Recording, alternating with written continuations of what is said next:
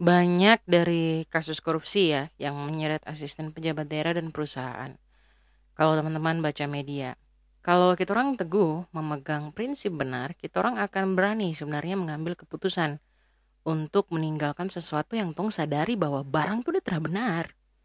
Banyak yang tinggal dalam lingkungan yang tidak benar, bukan hanya karena korupsi ya, bisa saja itu toxic relationship atau uh, abuse relationship dan lain-lain, karena takut tidak akan mendapatkan yang lebih baik.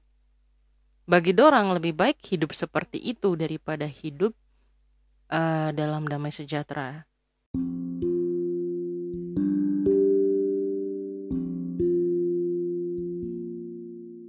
Selamat datang kembali para pendengar setiap podcast kita bersama Cerita Seru Jenny Karai Bersama saya tentunya Jenny Karai Selalu merupakan kebahagiaan pribadi ya buat saya uh, Bisa menyapa kembali teman-teman semuanya di mana pun teman-teman berada. Di dalam maupun di luar negeri, di pesisir, pegunungan, lembah Mau di dalam mobil, ketika naik motor, lagi jalan-jalan Atau lagi duduk, duduk nyantai sendirian di rumah Atau lagi tidur atau rebahan apa pun kamu punya kegiatan.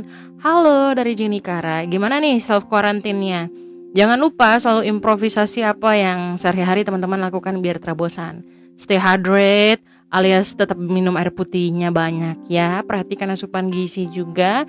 Jangan cuma nyamil nyamil nyamil nyamil terjelas stay moist alias tetap perawatan dan kurangi frekuensi keluyuran keluar rumah.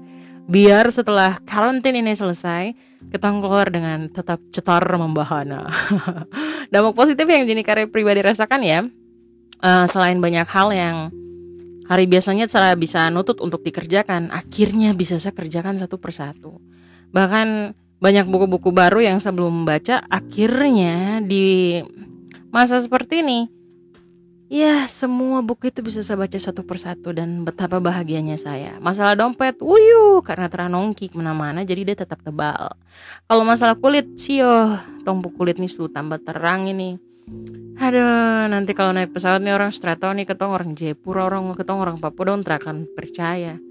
Tapi sebenarnya yang paling saya rindu tuh di masa-masa kayak gini tuh saya rindu sekali konser jazz karena biasanya bulan-bulan gini tuh sudah ada konser jazz di mana-mana. Sasurindu Garbarata, Sasurindu sapu positif pesawat, Sarindu pantai sih ya, apalagi pantai-pantai puas ya. Dan Sarindu sama teman-teman dekat kalau ketemu biasa nongki. Oke, okay, uh, episode seru sekali hari ini karena Jenny Karya tidak bercerita sendiri, tapi ada teman-teman via Instagram yang juga ikut berbagi via DM di Instagram tentang topiknya kita orang hari ini yaitu tentang be honest to yourself. Sebelum mulai, Jenny Karya mau kasih tau teman-teman buat jangan lupa dukung podcast ini dengan cara gampang dan gratis tentunya. Teman-teman bisa subscribe, bisa follow, bisa share di sosial media atau bagikan buat kamu punya teman-teman.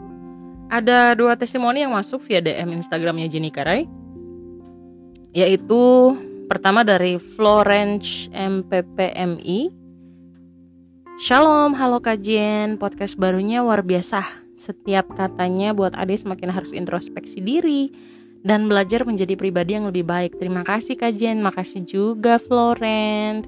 Dan juga dari Lolimanakupatipi, Patipi, kakak bikin COVID-19 nih.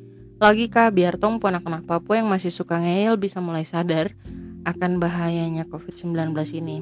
Oh iya, tadi sapu teman lima orang juga sudah ikut follow cerita seru kakak. Hmm, terima kasih Loli. Karena dong lihat satu kun dengan akan dan dong juga bilang ini sangat luar biasa. Cerita seru yang memotivasi sekali. Terima kasih karena mau berbagi banyak hal lewat cerita seru. Tuhan Yesus memberkati kakak selalu. Dan Tuhan Yesus juga memberkati Loli ya. Terima kasih untuk at Florence MPPMI dan Loli Manakupat TV yang kali ini sudah memberikan testimoninya. Ayo teman-teman yang punya testimoni pribadi silakan hit me by DM. Mau kasih testimoni kah, masukan kah, saran maupun kritik, saya open untuk hal itu. Nah, untuk episode kali ini itu Jenny Karai bikin polling di IG tentang tong punya tema. Dan pollingnya berbunyi susah katra buat jujur sama diri sendiri. Dan tahu kan teman-teman, 77% dari teman-teman menjawab iyo susah untuk jujur sama diri sendiri. Sedangkan 23%-nya itu menjawab tidak masalah. ketika harus jujur sama diri sendiri. Berikutnya, Jenny Karaya tanyakan ke teman-teman, biasa kan bisa atau tidak jujur sama diri sendiri karena apa? Ini ada beberapa yang udah masuk. Uh, kalau saya bahas semua nanti sio. Ini nanti 20 menit pertama nih cuma sebut mention orang. Jadi sambil beberapa saja. Dan yang menjawab tidak bisa jujur ini ada beberapa ada dari anonim 3. Kalau saya kasih anonim ini berarti DM teman-teman yang masuk tapi memang tidak mau untuk namanya di mention jadi ya udah Jenny Karai pakai anonim saja untuk juga menjaga kerahasiaannya teman-teman. Ini dari anonim 3 dia tulis kak saya masih susah untuk jujur sama orang-orang terdekatnya saya kalau saya itu beberapa bulan yang lalu pernah ngesek sama sapu pacar dalam kurung sekarang seputus. Tong berhubungan badan berkali-kali sampai saya bisa hitung seberapa kali. Dan itu jadi beban pikirannya saya sekali karena saya takut kalau saya jujur, dong terakan terima saya lagi. Dong akan menjauh, dong akan rendahkan saya atau anggap saya ini murahan. Padahal saya mau sekali jujur agar saya juga tidak terbeban sama hal ini kak. Di satu sisi saya sadar saya harus jujur agar orang-orang di sekitarnya saya bisa bantu saya move on, bangkit kembali, kuat kembali. Jujur kak, sampai sekarang saya putus nyambung sama sapu mantan itu. Tapi tiap tong nyambung dia selalu minta untuk selain dia punya nafsu kalau saya terpenuhi dia akan meraju atau tampar saya ketika dia dalam keadaan mabuk lama-lama saya depresi sendiri kak saya kadang lari menangis sendiri di pantai. Pokoknya tera di rumah atau depan sapu sahabat-sahabat. Merasa sendirian sekali kak. Tidak ada yang bisa paham beban yang saya tanggung. Saya sayang sama-sama mantan tapi kalau saya sama dia terus menerus, dia hanya kasih rusak sadiri tanpa ada ikatan resmi. Bila ternyata saya hamil di kemudian hari, wow, this is so complicated deh. Ya kajian ngerti posisinya, pasti biasa toh nanti kalau jujur, aku bisa dapat marah, tapi kalau kau tidak jujur juga kau bisa depresi berkelanjutan deh, itu bisa jadi masalah. Ini dari Etnovan Rope. Kalau untuk saya kakak agak agak sulit karena penerimaan diri, daya juang, disiplin dan konsisten yang kurang. Ketiga ini agak berhubungan karena dengan menerima diri yang kurang jadinya saya kurang bisa jujur dengan diri sendiri dan akan banyak membandingkan diri dengan orang lain sehingga jujur dengan diri sendiri kadang-kadang sulit meski kadang-kadang juga bisa untuk dilakukan dalam beberapa konteks. Tapi untuk konteks tertentu, belum bisa untuk jujur dengan diri sendiri. Ini ada dari anonim satu. Kadang aku tuh nggak ngerti kak, nggak bisa jujur sama diri sendiri karena terlalu banyak hal yang bikin aku bingung. Sampai pernah sih satu titik betul-betul kehilangan diri aku, ngerasa kalau ih ini bukan saya sekali. Tapi entah kenapa bisa kembali lagi, bingung lah kak. Ini juga ada dari anonim 3 bisa jujur kakak tapi susah apalagi soal kesalahan yang dibuat. Rasanya saat jujur malah semakin menyalahkan diri sendiri, merasa payah kak. Jadi biasanya kalau saya ada buat kesalahan cuma bilang oke okay, ini saya punya kesalahan, lain kali jangan begini. Sesingkat itu saja tanpa lihat lagi apa yang saya bikin karena hasilnya malas merasa diri payah.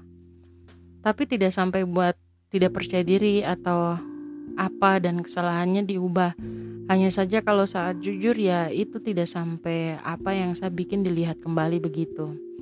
Ini ada dari at x dub eh bukan double at x triple o so l subt underscore merasa tidak jujur sama diri sendiri kak karena susah menilai kesalahan yang ada dalam diri sendiri dan kadang merasa seperti orang yang paling tahu segalanya dan paling benar padahal ada hal-hal kecil yang sebenarnya terlewatkan oleh mata dan menjadi titik celah kesalahan atau mungkin tepatnya kebodohan ya. Tapi tetap saja sulit menerima kekurangan itu. Pas berusaha menerima kesalahan bahkan kekalahan dengan jujur ke diri sendiri tuh bikin malas. Ih ternyata saya begini, saya kurang di sini. Tapi ulangi lagi, susah sekali mau terima kenyataan yang ujung-ujungnya lukai diri sendiri karena keterusan tipu diri sendiri kayak ini. Tapi so far sekarang lebih baik selama self healing berusaha memaafkan diri sendiri dan memulai mempelajari kekuatan dan kelemahan dalam diri yang ujung-ujungnya jadi senjata yang suatu saat berguna atau malah balik merusak diri sendiri. Ada juga dari Anonim 4, nggak bisa kak, saya rasa lama-lama jadi bipolar karena bisa jujur sama keluarga tapi di luar pergaulan saya beda sekali. Di satu sisi saya harus tunjukkan saya dengar-dengaran sama orang tua, sedangkan di sisi lain saya harus ikut apa yang saya teman-teman mau agar saya diterima di tengah-tengah dorong. Oh, oke. Okay. Ada dari Ed Tasya Kadakolo. Karena tidak benar-benar mengenal diri sendiri. Ada dari Ed Dona Kayat. Sepertinya malu sama diri sendiri, Kak. Ed Ivon, Ed If underscore Fonte. Terlalu ambisi. Ada dari Ed Naomi Lenahatu. Tidak bisa menerima diri sendiri penendam bahkan ke diri sendiri. Ada Ed Marione Santriana belum bisa terima kenyataan kalau hal yang tidak pernah diinginkan terjadi tapi itu terjadi kak. Ini dari Ed Yohana Wainggai egois. Ed Arintia Santi iyo takut sama diri sendiri. Ed Mareta Manuela rasa takut.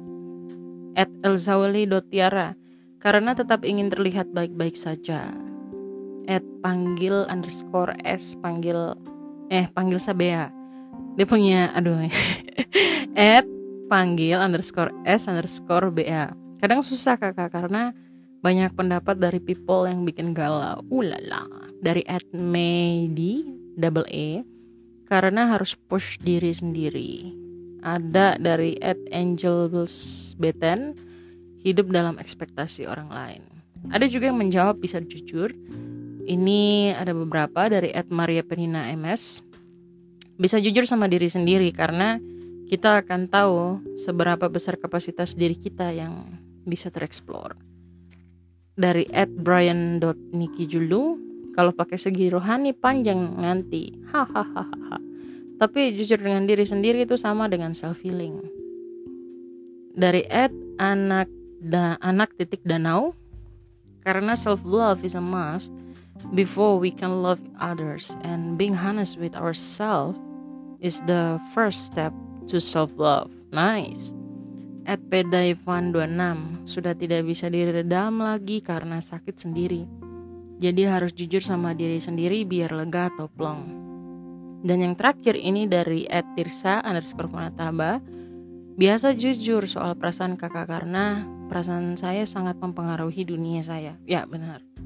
Perasaan itu bisa mempengaruhi. Itu tadi hasil polling dari sesi berbagi dari teman-teman. Terima kasih banyak buat teman-teman yang mau terbuka, berbagi opini. Bahkan kalau saya baca beberapa ada yang memang benar-benar personal sekali dan memang uh, apa ya?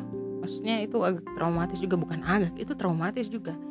Dan bahkan pergumulannya juga Jenny Kare sungguh sangat menghargai tiap pendapat teman-teman pengen peluk kamu satu persatu loh. Memang benar memang. Kadang kita orang bisa jujur dan ada situasi di mana tuh tidak bisa jujur karena ada banyak pertimbangan.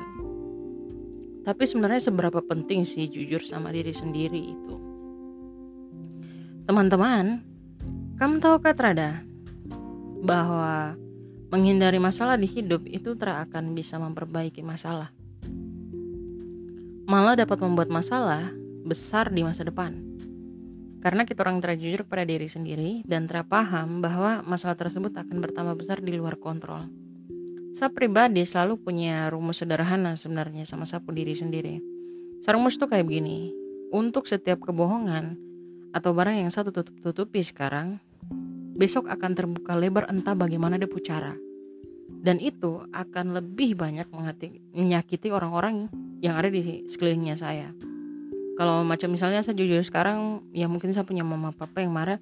Bisa-bisa di kemudian hari bukan sama mama dan sama papa saja yang marah. Tapi sapu pacar sapu kakak semua bisa bisa seperti itu. Kita orang kadang lupa bahwa masalah kecil itu akan menjadi besar di kemudian hari. Sama seperti bola salju. Semakin lama turun ke bawah semakin membesar. Analoginya sederhana. Banyak dari kasus korupsi yang menyeret asisten pejabat daerah dan perusahaan. Jika kita orang teguh memegang prinsip yang benar, kita orang akan berani sebenarnya mengambil keputusan untuk meninggalkan sesuatu yang tidak benar. Karena aku kan tahu tuh ini sutra benar nih. Iya ini sudah ini sutra benar. Banyak yang tinggal dalam lingkungan yang tidak benar atau tidak benar karena takut sebenarnya tidak akan mendapatkan yang lebih baik. Ya jangankan korupsi relationship saja dan lain-lain kok akan rasa kayak macam ih kalau saya kasih tinggal dia eh nanti tidak ada yang terima saya kayak dia terada yang begini begitu Padahal itu aku punya ketakutan saja teman-teman. Dan untuk orang-orang yang korupsi bagi dorang, dong memilih lebih baik hidup bergelimang harta tapi tidak tenang daripada hidup sederhana dan hati merasakan damai sejahtera. Ada ayat penghiburan buat teman-teman yang lagi berjuang saat ini untuk menjadi lebih baik dalam topik ini. Saya ingat sekali di Ayub 8 ayat 6. Kalau engkau bersih dan jujur, maka tentu ia akan dia ia akan bangkit demi engkau dan ia akan memulihkan rumah yang adalah hakmu. Saya ulangi, kalau engkau bersih dan jujur, maka tentu ia akan bangkit demi engkau dan ia akan memulihkan rumah yang adalah hakmu.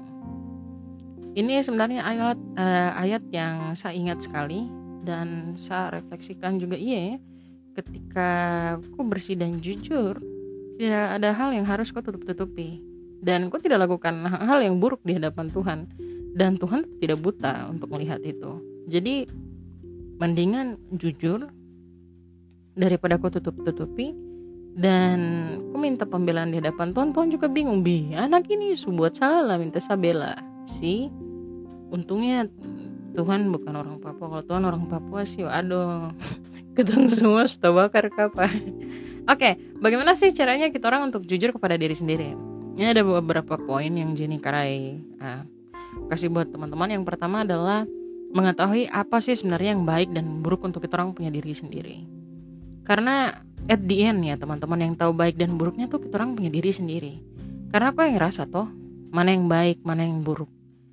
Kalau saya pribadi ya apa pun agamanya teman-teman baca kitab sucinya teman-teman itu itu penting sekali buat saya. Karena dari ketika kau baca kitab suci kau minta tuntunan Tuhan maka Tuhan akan akan akan apa ya akan menuntun kau.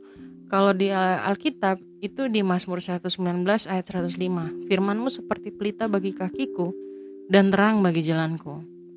Kita orang nih capek-capek cari motivasi kiri kanan padahal di kita orang punya kitab suci itu ada jadi tinggal kau explore ke tidak atau kau cuma jadikan itu kayak macam pajangan atau cuman baca skimming sekilas terus selesai. Yang berikutnya adalah berani belajar memperdalam apa sih kok punya passion. Ini masih masih di poin mengetahui apa yang baik dan buruk ya. Kalau untuk tahu apa sih ketong punya passion, itu ketong bisa belajar dari free ebook atau free online course yang bertebaran di internet. Apalagi di masa social distance ini, banyak sekali online course yang dong kasih free dong kasih gratis uh, dan juga teman-teman bisa belajar banyak misalnya kau mau belajar bahasa atau kau mau belajar menggambar atau buat sesuatu yang kamu paling suka kalau saya pribadi sekarang saya ada belajar bahasa Mandarin dan Prancis dan ternyata susah. Tapi uh, saya akan terus berusaha dan saya akan terus belajar karena saya akan butuh dua bahasa ini ke depan. Yang kedua, merenung. Kenali diri sendiri apa kelebihan, kekurangan, apa yang membuat kita orang nyaman maupun tidak nyaman. Tuliskan itu ke dalam jurnal dan ingat baik-baik. Kadang kalau ketong cuma pikir buat ketong punya diri sendiri, akhirnya ketong lupa. Tapi ketika kita orang tulis teman-teman, kau sedang membuat itu untuk masuk dalam kau punya memori. Bahwa oke okay, ternyata satu begini begini begini. Satu kelebihan ini saya punya kekurangan ini. Nanti suatu saat itu akan direcall kembali sama kau punya otak.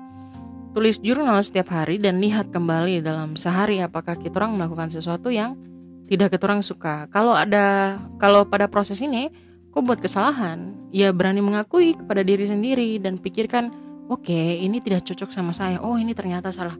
Solusinya apa ya ke depan? Seperti itu. Yang ketiga, perhatikan kok punya perasaan. Saya kasih contoh. Perasaan kesepian itu bisa buat kita orang buat keputusan yang berdampak buruk sama kita orang punya masa depan. Perasaan ingin disayang, craving for attention, itu membuat kita orang asal memilih pasangan hidup yang akan menjauhkan kita orang dari Tuhan. Seks, drug, pemikiran yang buruk itu juga akan meracuni jika kita orang asal memilih pasangan. Nah kajian terus bagaimana kalau kita orang sudah pernah jatuh ke hal-hal tersebut? Ya don't stay that, jangan tinggal di sana, jangan tinggal kau sudah kau salah, kau ulang-ulang, no. Ayo, jangan berdiam di situ, bangkit, bersihkan diri, dan evaluasi diri dan komitmen dan jalani untuk tidak melakukan hal yang sama. Ika, bicaranya gampang ya? Iya, bicara memang gampang, prakteknya sulit. Tapi ketika kau praktek terus ya kau jadi dewasa. Kalau cuma dengar saja ya iyo, enak saja di telinga kan dan juga perasaan ingin dipuji atau dibanggain orang lain itu juga bisa buat kita orang tuh ingin menyenangkan semua orang alias people pleaser ngana nih bukan es krim bukan kopi bukan coklat mau kasih bahagia semua orang kah tidak tuh pada akhirnya kita orang cenderung mengorbankan kebahagiaannya kita orang punya diri sendiri saya kasih contoh bekerja tidak sesuai dengan keinginan hati kok pengennya jadi guru tapi kok punya lingkungan itu ingin kok jadi sesuatu selain guru. Tahu tidak, jangka panjangnya, kok tidak akan bahagia menjalani kok punya hidup. Dan ujung-ujungnya kayak macam aduh saya bosan nih, aduh saya begini, aduh saya begini. Ih kenapa dulu saya begini, kenapa saya terambil begini. Akhirnya ketong hidup juga dalam penyelesaian, eh, penyelesaian, penyesalan. Aduh maafkan ya jadi karena punya mulut agak sengong-sengong sedikit. yang keempat, yang selalu Jenny Karai ulangi di edisi-edisi podcast sebelumnya. Cari seseorang yang bisa dipercaya agar bisa diskusi bareng. Entah ini sahabat atau mentor di punya gereja atau musola atau di pura. Teman-teman cari orang-orang yang teman-teman lihat dewasa dalam agamanya teman-teman di tempat uh, peribadatannya teman-teman yang bisa teman-teman berbagi dan kamu feeling safe gitu kalau kok bicara hal yang uh, di luar dari apa yang orang lain tahu dan juga uh, orang yang bisa dipercaya ini juga bisa jadi orang yang kau pandang bisa bantu kau dan berikan solusi. Orang yang kau nyaman tapi ingat eh di atas semuanya itu harus orang yang bisa kau percayai. Nah gimana sih contoh bentuk kita orang terjujur sama diri sendiri? Yang pertama, kalau terlibat pembicaraan dengan kamu teman-teman dan kau terang nyaman dengan dia punya topik, beranikan diri untuk kasih tahu kalau kau terang nyaman sama dorang. Eh, saya terang nyaman kalau kau bicara tentang seks. Eh, saya terang nyaman sekali kalau kau bicara begini. Karena itu tanda kau memberikan batasan apa yang bisa orang bikin ke kau dan apa yang menurut kau baik buat kau diri sendiri. Karena ketika kau terbuka saja dengan semua conversation, artinya adalah kau tidak batasi kau punya diri apa-apa saja yang kau tonton bisa lakukan sama kau dan tidak. Dan ujung-ujungnya kau yang rugi. Kedua, saat teman-teman mengajak pergi dan di saat bersamaan pula kita orang merasa capek karena habis kerja atau kuliah atau sekolah seharian atau kerjaan PR atau kita orang dalam posisi menghemat pengeluaran bulanan. Nah, belajarlah untuk berkata tidak. berkata tidak. Kadang kita orang mempunyai kecenderungan untuk menolak. The sense of sungkan. Dengan tidak mengatakan alasan sesungguhnya karena takut menyinggung orang lain. Tapi ujung-ujungnya kok kawan? Sio ado. Yang ketiga batasi pemakaian sosial media. Karena pernah nggak kok rasa setiap kali aku bukan Instagram atau Facebook atau Twitter atau anything lah ya sosial media mau TikTok atau apa aku tuh rasa iri dengan kehidupannya orang lain. Kita orang merasa kayak macam dong punya hidup tuh lebih bagus sudah daripada kita orang. Kita orang rasa dorang tuh macam tidak pernah rasa hidup susah. Teman-teman sebagian besar orang yang posting di Instagram, Facebook atau sosial media itu dong posting hal-hal yang baik yang buruk-buruk ya tidak mungkin dong pajang saya pribadi ya teman-teman. Memang saya punya pekerjaan di bidang komunikasi. Itu buat saya punya jadwal traveling ke mana-mana. Banyak sekali yang suka DM bilang gini enak ke ke Jin bisa ke sana ke sini. Bisa naik turun pesawat. Dapat tiket gratis ke sana ke sini. Ketemu orang ini itu aduh enak sekali kak. Tapi tahu ke teman-teman saya punya pekerjaan itu paling banyak habis di perjalanan.